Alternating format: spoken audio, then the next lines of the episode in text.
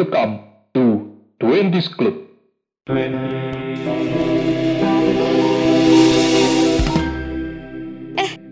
Gimana sih jadinya? Ya udahlah ya. Yuhu, halo Gita, balik lagi di sini sama gue Twenties. Salah dong, salah dong. Kebalik, balik, ulang, ulang. ulang. Temen lu nih Bram, baru kayak mulai, udah gimmick, ulang gitu, ulang, ulang. Ulang gitu, ulang gitu. Bercanda guys, biar santai-santai gitu loh. Baru di awal Iya. masa udah serius-serius banget. Iya, iya. Buru-buru buruan. Oke, halo Twenties, kembali lagi bersama gue Gita Beram. Dan Tio. di Twenties Club. Yippee. Yuhu. Yoi, gimana kabarnya teman-teman? Apakah udah mulai bosen di rumah? Udah mulai bete karena harus berhubungan secara online terus? Atau mungkin udah kerasa tanggal tuanya? Bener banget nih Bram, yang namanya udah tanggal tua, abis itu udah mulai pergantian semester juga kan. Wah, gue harus minta, Bener. ma UKT-nya, ma tolong dong uang kosnya. Aduh, Wah, gue takut deh kalau kayak gitu, kayak sedap. Iya woi bener Pokoknya sekarang tuh masa-masa menjadi beban keluarga Itu bener banget Mau bayar uang kos Biarpun gak ditempatin tuh kosan ya kan Mm-mm. Bayar UKT Ya gitulah emang Iya kan, kayak bulan ini tuh tanggal mudanya cepet banget kayaknya deh berubah jadi tanggal tua. Kayak gua kan aktif di beberapa organisasi nih, Ti, Git. Nah, itu tuh udah mulai ditagihin tuh kayak uang kas, terus Hmm, habis itu juga banget. denda PP. Tapi Mm-mm. untungnya gue lagi nggak di Solo sih. Jadi kayak gue minta uang bisa langsung gitu ngomong. Ya walaupun tetap nggak enak juga sih. Setuju banget serius, apalagi yang namanya denda PP gitu kan kayak gua pengeluaran gua kayaknya khusus untuk denda PP ini aja belum lagi gue bayar apa tuh kayak jaket-jaketnya organisasi lah, eh, Bener, banyak bener. banget. Padahal nggak kepake ya kan Tuh jaket Makanya. selama online Paling cuma buat foto pengurus gitu loh. Ini kita bikin kali. Bikin kali. Gak usah ya. Emang sih tapi bener juga kalau misalkan lagi di Solo pas ngerantau gitu kan nggak enak banget gak sih kayak kita lagi nge-WA gitu kan cuma buat minta duit, minta duit, udah berasa debt collector. Waduh, bener banget tuh Ti. Kayak berasa nagih utang gitu loh. Gak Hmm, enak banget bener benar. ya. Apalagi kalau kita punya orang tua yang sangat teguh memegang prinsip Jawa. Pasti kita kayak apa tuh pekewuh, pekewuh bahasa Jawanya. Hmm, hmm. Nah itu Iya apalagi kalau harus kalian minta duit bulanan kan Udah jarang nelpon Sekalinya nelpon langsung nodong Mah UKT Pah kacau sih itu. uang kos Mah uang bulanan jangan lupa ya Bener-bener beban banget ya ampun Setuju banget sumpah sama Gita. Mungkin ini mungkin jadi teguran sedikit ya sama kita kalau misalkan nelpon tuh Mm-mm. jangan pas butuh doang gitu loh. Bener. Kayak kalau minta bayar-bayar itu tuh kalau kata Bram tadi tuh nggak pekewuh gitu loh guys. Ya gimana kan kalau lagi rapat di telepon gak bisa Rapat di telepon gak bisa gitu kan kita Sekalinya nelpon minta duit Ngomong-ngomong soal beban nih, Git, Ti. Kan gak asik kalau gue merasa yang paling menderita ya kan. Maka dari itu gue nunjuk Tio. Kira-kira gimana Ti? Pa- eh, beban yang lu rasain pas awal-awal kuliah? Loh kok gua bener-bener dan nih orang sukanya nimpal-nimpalin. Emang muka gue menderita banget apa? Lihatlah temen lu ini si Gita lebih menderita dari gua. Oh, Udah iya. Git, cepetan ceritain. Gimana Git? Jadi maksudnya apa nih? Muka gue paling menderita gitu Hmm, Iya. Dasar Canda, ya emang Git. kalian ini Malah main lempar-lemparan Jadi gimana kalau kita dengerin cerita para pendengar kita gitu loh Biar nggak kita tuh. mulu Mm-mm, Biar Para kita nggak twenties gitu ya. Betul Mm-mm. biar nggak semua episode tuh cerita tentang kita mulu Ntar berasa kayak adu nasib Aduh, aduh, aduh Boleh tuh. Kali ini kita bakal ngebaca ini cerita-cerita dari para sobat twenties atau twenties lovers atau twenties mania. Mantap. Laki banget suara gue Makan tuh mantap-mantap. Jadi supaya kita bisa ngerasain gitu, apa yang namanya teman-teman kita juga rasain. Kita kan udah kayak asuransi nih, always listening, always understanding. Ya, tadi gue mau sebut merek ya, cuma kebetulan kita masih gratis ya, jadi tidak dibayar. Mohon banget nih, ada loh lah pakai, cuma nggak disikat nih. asuransi banget nggak sih itu? Nih kalau asuransinya denger mungkin boleh endorse kita minggu depan kita Boleh lah. sebutin. Least. Boleh, boleh, boleh Boleh kita kasih satu episode ya? Boleh Boleh, boleh. Bener banget tuh kata Bram. Karena kebetulan kita ini juga udah nanya ya, kita udah survei beset. Ke para Boleh. twenties kita gitu loh survei Mm-mm. kecil-kecilan sih tapi ya yang jawab lumayan banyak juga gitu loh mungkin sekitar 5000 orang gitu Wah gila, Wow. lu sensus penduduk. Oke, mulai dari mana nih? Oke dari gue dulu ya Boleh, boleh. Tapi sebelumnya nih ya, kalau menurut gue, ketika kita baru mulai untuk masuk ke awal-awal kuliah, kayak gitu kan, kita tuh pasti merasakan dong yang namanya tuh culture shock. Ngaku deh. Iya bener banget. Apalagi gue nih yang eh, latar belakang orang tuanya tuh dari Palembang, tapi gedenya di Ciledug City gitu kan. Beda banget gitu. Pas masuk ke Solo tuh kayak wow, dunia lain gitu. Eh, kok lu malah curhat sih? Ini ti gimana twenties ceritanya? Oh iya, benar. Nah, sebenarnya sih ya rata-rata tuh kebanyakan pada culture shock sama panggilan. Jadi tuh Hmm. kan pasti lo juga pada terbiasa lah. Kalau misalkan Iya. teman biasa manggilnya gue lo, gue lo gitu kan. Tapi ketika di Solo kita tuh harus menyesuaikan gitu. Dari gue Gimana? lo ini menjadi aku Mm-mm. kamu. Nah, sebenarnya sih kalau gue pribadi ya itu juga agak PR sih. Apalagi misalkan ada cowok cutting gitu kan mukanya cakep banget manis Jawa gitu. Terus ditanyain waktu PKKMB, kamu udah Hmm. ngerjain yang ini belum? Hmm, melting gue meleleh di tempat. Emang harus kuat-kuat hati gitu ya, Ti, biar nggak gampang baper ya kan? Bener banget. Udah gitu kalau misalnya kita ngomong pakai lu gua nih, pokoknya tuh semua Mhm. orang langsung ngeliatin, terus tuh kayak kita jadi orang paling berdosa sedunia ini karena ngomong lu gua. Emang bener-bener Bener parah banget. sih gue. Kaget, shock gitu. Nah, tapi selain lo gue ini nih, ada juga yaitu tentang perubahan diri yang ke arah lebih positif nih kan tadi kan ke negatif nih ya kita ke arah positif Mm-mm. sekarang gitu Mm-mm. terkenal banget nih kalau di Solo itu orangnya ramah-ramah banget setuju nggak Setuju. Setuju banget sih. Nah, kalau dari Rama itu, bayangin aja pas kita lagi eye contact nih, tiba-tiba orangnya kayak, "Mm-mm, monggo gitu kan. Ah, itu tambah baper lagi gitu, udah kayak di sinetron gitu, ada lope-lopenya mungkin di depan mata gua. Emang dah Solo tuh, apa ya, santun-santun banget. Tapi jangan bilang lu ke Indomaret juga copot sendal. Sumpah, bener ya Bram ya, gue tuh pernah masuk ke toko gitu, terus tiba-tiba ada yang suruh nyopot sendal. Gue yang kayak, oh di sini ada toko seperti itu gitu loh. Tapi bukan Indomaret kan? Bukan, bukan, bukan. Oh. Tapi jangan sebut merek kan belum dibayar. Oh iya. Oh iya. Oh, Terus apa lagi dong, Ti? Eh tapi bener sih apa yang diomongin Tio tadi dengan adanya perbedaan budaya ini sebenarnya menarik nggak sih kalau misalnya kita datang ke lingkungan baru terus habis itu kita mengamati kehidupan di sana terus juga kita uh, berusaha untuk menjadi satu dengan mereka itu menjadi apa ya menjadi daya tarik tersendiri buat kita sebagai perantau iya nggak sih apalagi kalau Setuju, kita setuju. berhasil untuk bisa beradaptasi di lingkungan tersebut menurut gue itu pencapaian yang luar biasa sih untuk kita sebagai perantau Iya, iya juga sih. Kita juga jadi lebih bisa menghargai perbedaan dan gak seenaknya sendiri gitu. Kita harus peduli sama lingkungan. Dan yang pasti tuh egois kita jadi bisa lebih terkendali gitu loh dengan Cakep. adanya culture shock ini.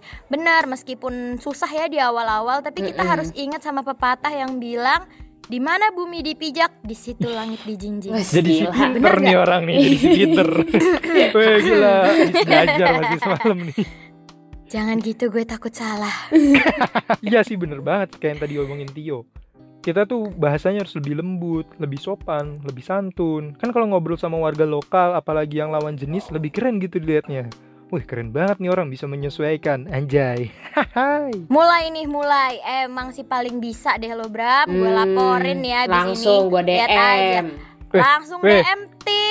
Weh nggak gitu maksudnya bos Jadi mending kita lanjutin aja gimana daripada saya makin terancam ya kan Oke, nah selain tadi yang udah beberapa gue sebutin nih, ada juga Mm-mm. pengalaman unik sih Apa nih tuh? dari para twenties ini yang kalau lagi nyari makanan di Solo gitu. Sebagai Wah, anak gimana tuh? perantau tuh kan pasti bingung gak sih kalau misalkan gue tuh harus mau makan apa, nih daerah gue Mm-mm. belum kenal gitu. Mm-mm. Jujur tuh ya, kadang tuh ada makanan yang namanya tuh sama gitu loh. Tapi bentukannya ternyata beda, isinya beda, Oh, iya? bumbunya beda. eh-eh. Apa tuh? Contohnya Bener, bener, itu bener. gado-gado. Kalau lo pernah lihat gado-gado Solo, Mm-mm. itu ada juga gado-gado Jakarta. Itu tuh Iya beda isinya. Ya gitu, jadi lo Oh. jangan kemakan lah sama kata-kata. Iya sih Iya woi asli Gue juga kaget pas pertama kali beli gado-gado di Solo Lah kok isinya ada yang beda gini ya Mm-mm. masa pakai telur rebus coy Oh berarti kalau be- gado-gado Solo tuh bedanya dia sendiri gitu. Kalau tiga kan trio. oh jadi kalau bersebelas jadi gado-gado halilintar Ah, ledek gitu siap gitu berarti. lah terus udah kayak Ziggy Zaga dong tuh Ziggy Zaga ah, promoin lagi, bayar dong, bayar. Ini kita sebenarnya kalau misalkan itu bisa dapat adsense banyak gitu kan. Banyak nih, cuma belum laku aja. Gak gitu juga guys. Maksudnya tuh rasanya dan isinya itu berbeda. Nah ada lagi nih Mm-mm. satu yang unik. Kalau lo suka kemakan namanya gimmick gitu loh. Apa Lo tuh? pernah gak sih diajak sama temen lo Yuk makan burjo gitu kan. Gue tuh dulu sempet bingung gitu. Lo ngapain nongkrong makannya bubur kacang ijo Kan gue bingung ya Taunya pas ke sana isinya itu apa Kayak warkop Kalau di sini tuh Indomie Ya Mm-mm. gitu-gitulah magelangan ya bener-bener bener Malah bubur kacang ijo itu kagak ada guys Oh iya sih, itu kali yang bikin kita jadi paham gitu loh bahwa sebenarnya tuh ada perbedaan makna di di lain daerah gitu. Kalau di sini kayak gini, kalau di sana tuh kayak gitu. Ya lumayan lah nambah insight baru kan buat kita. Mm, mm, mm, bener banget tuh kalau kata Bram.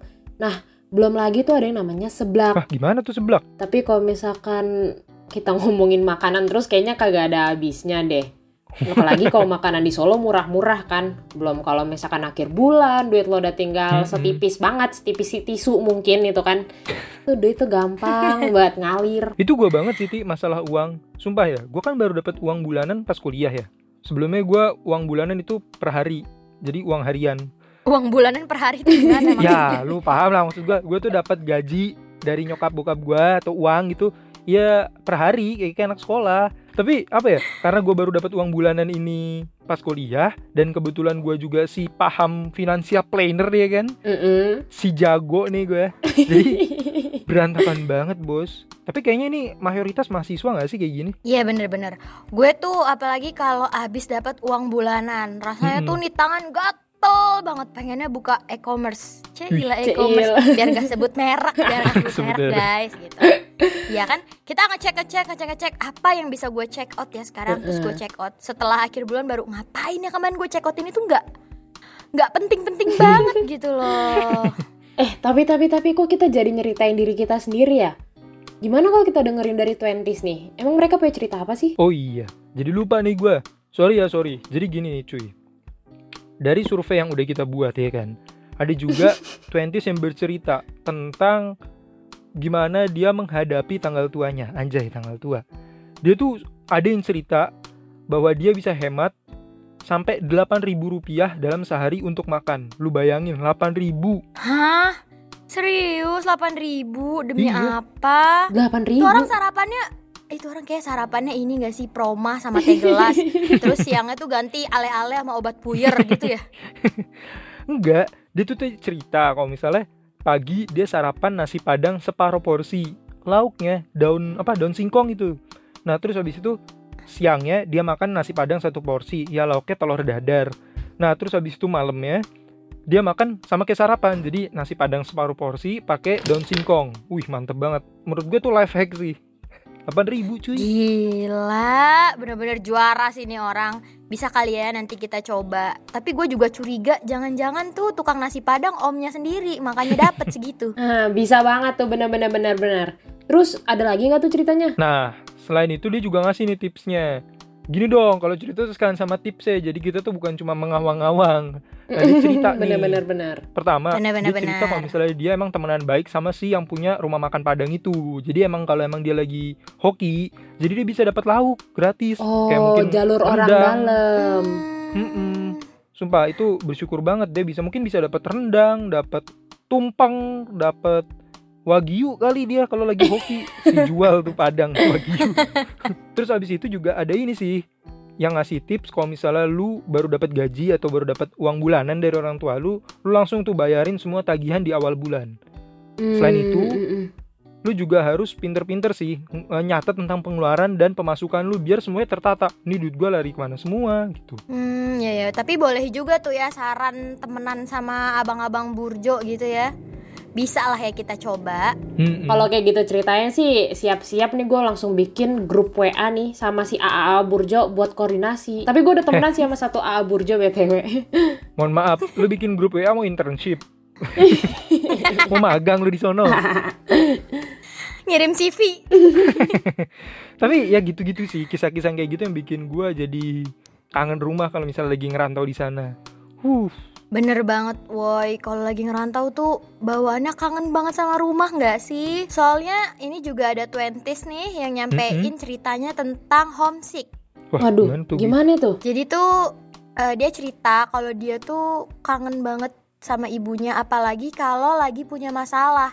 Dia tuh kangen banget tuh sama pelukan ibunya yang menurut dia tuh nenangin dan menghangatkan Hmm. gitu. Jailah. Jadi sedih gue nih. gitu. Terus Apalagi gitu. nih sebagai anak rantau yang baru yang belum punya motor, dia tuh Mhm. suka kebingungan kalau mau nyari makan. Udah nentuin mau makan apa susah, terus Hmm. harus nyari makan jalan kaki kan kayak berasa banget gitu melownya ya Ini lagi air jalan mata gue udah sebanjir nih. Iya, Asli. derita banget gitu anak rantau jalan kaki kan Sore-sore nyari makan Dan itu tuh bikin kita jadi merenung gitu loh Apalagi kalau lagi di sendiri nih di kos Itu tuh kadang kan bawaannya pengen nangis Ngumpet di kamar kangen rumah gitu Iya sih, sedih banget sih. Apalagi nih ya kalau misalnya kita udah tanggal tua, terus habis itu kita kangen rumah, habis itu kita masih awal-awal jadi belum punya temen. Itu kombinasi mantep banget sih buat kita menangis. Sasaran empuk banget. Tapi ada Makanya. juga nih, berdasarkan cerita dari para 20s-20s kita nih ya, cara dia Mm-mm. mengatasi homesicknya gitu. Biasanya tuh mereka suka untuk menyibukkan diri supaya pikirannya tuh ke distract gitu loh.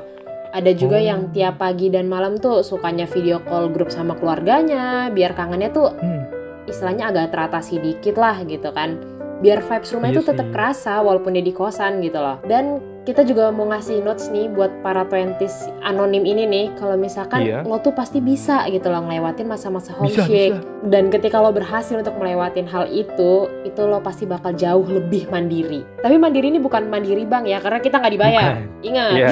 Salut sih gue sama orang-orang kuat yang ngerantau gitu Apalagi kan kayak mereka tuh bisa bertahan Bahkan sampai sukses gitu loh Karena emang bener sih ngerantau itu banyak banget ngasih kita pengalaman Dan juga apa ya kayak kemampuan-kemampuan yang mungkin kita nggak bisa dapet gitu loh Kalau kita nggak ngerantau ya kan? Hmm, Emang keren banget sih nih Para twenties tuh bah keren-keren banget ceritanya.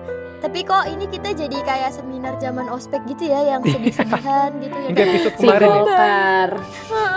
Bayangkan di depan rumah kamu ada bendera kuning. Mana ada lagu backsoundnya Ternyata begini bapak lagi. kamu ikut Masuk Golkar. Kalau kayak gini sih kayak gue pengen ngundang temennya Bram yang badannya gede nangis itu sih. Gua lupa lagi siapa itu. udah meng, udah meng, ah matiin lagunya nih kita jadi Iya, menangis matiin, Meng, matiin, Bombay Meng. sekarang. Makanya jadi kayak seminar motivasi.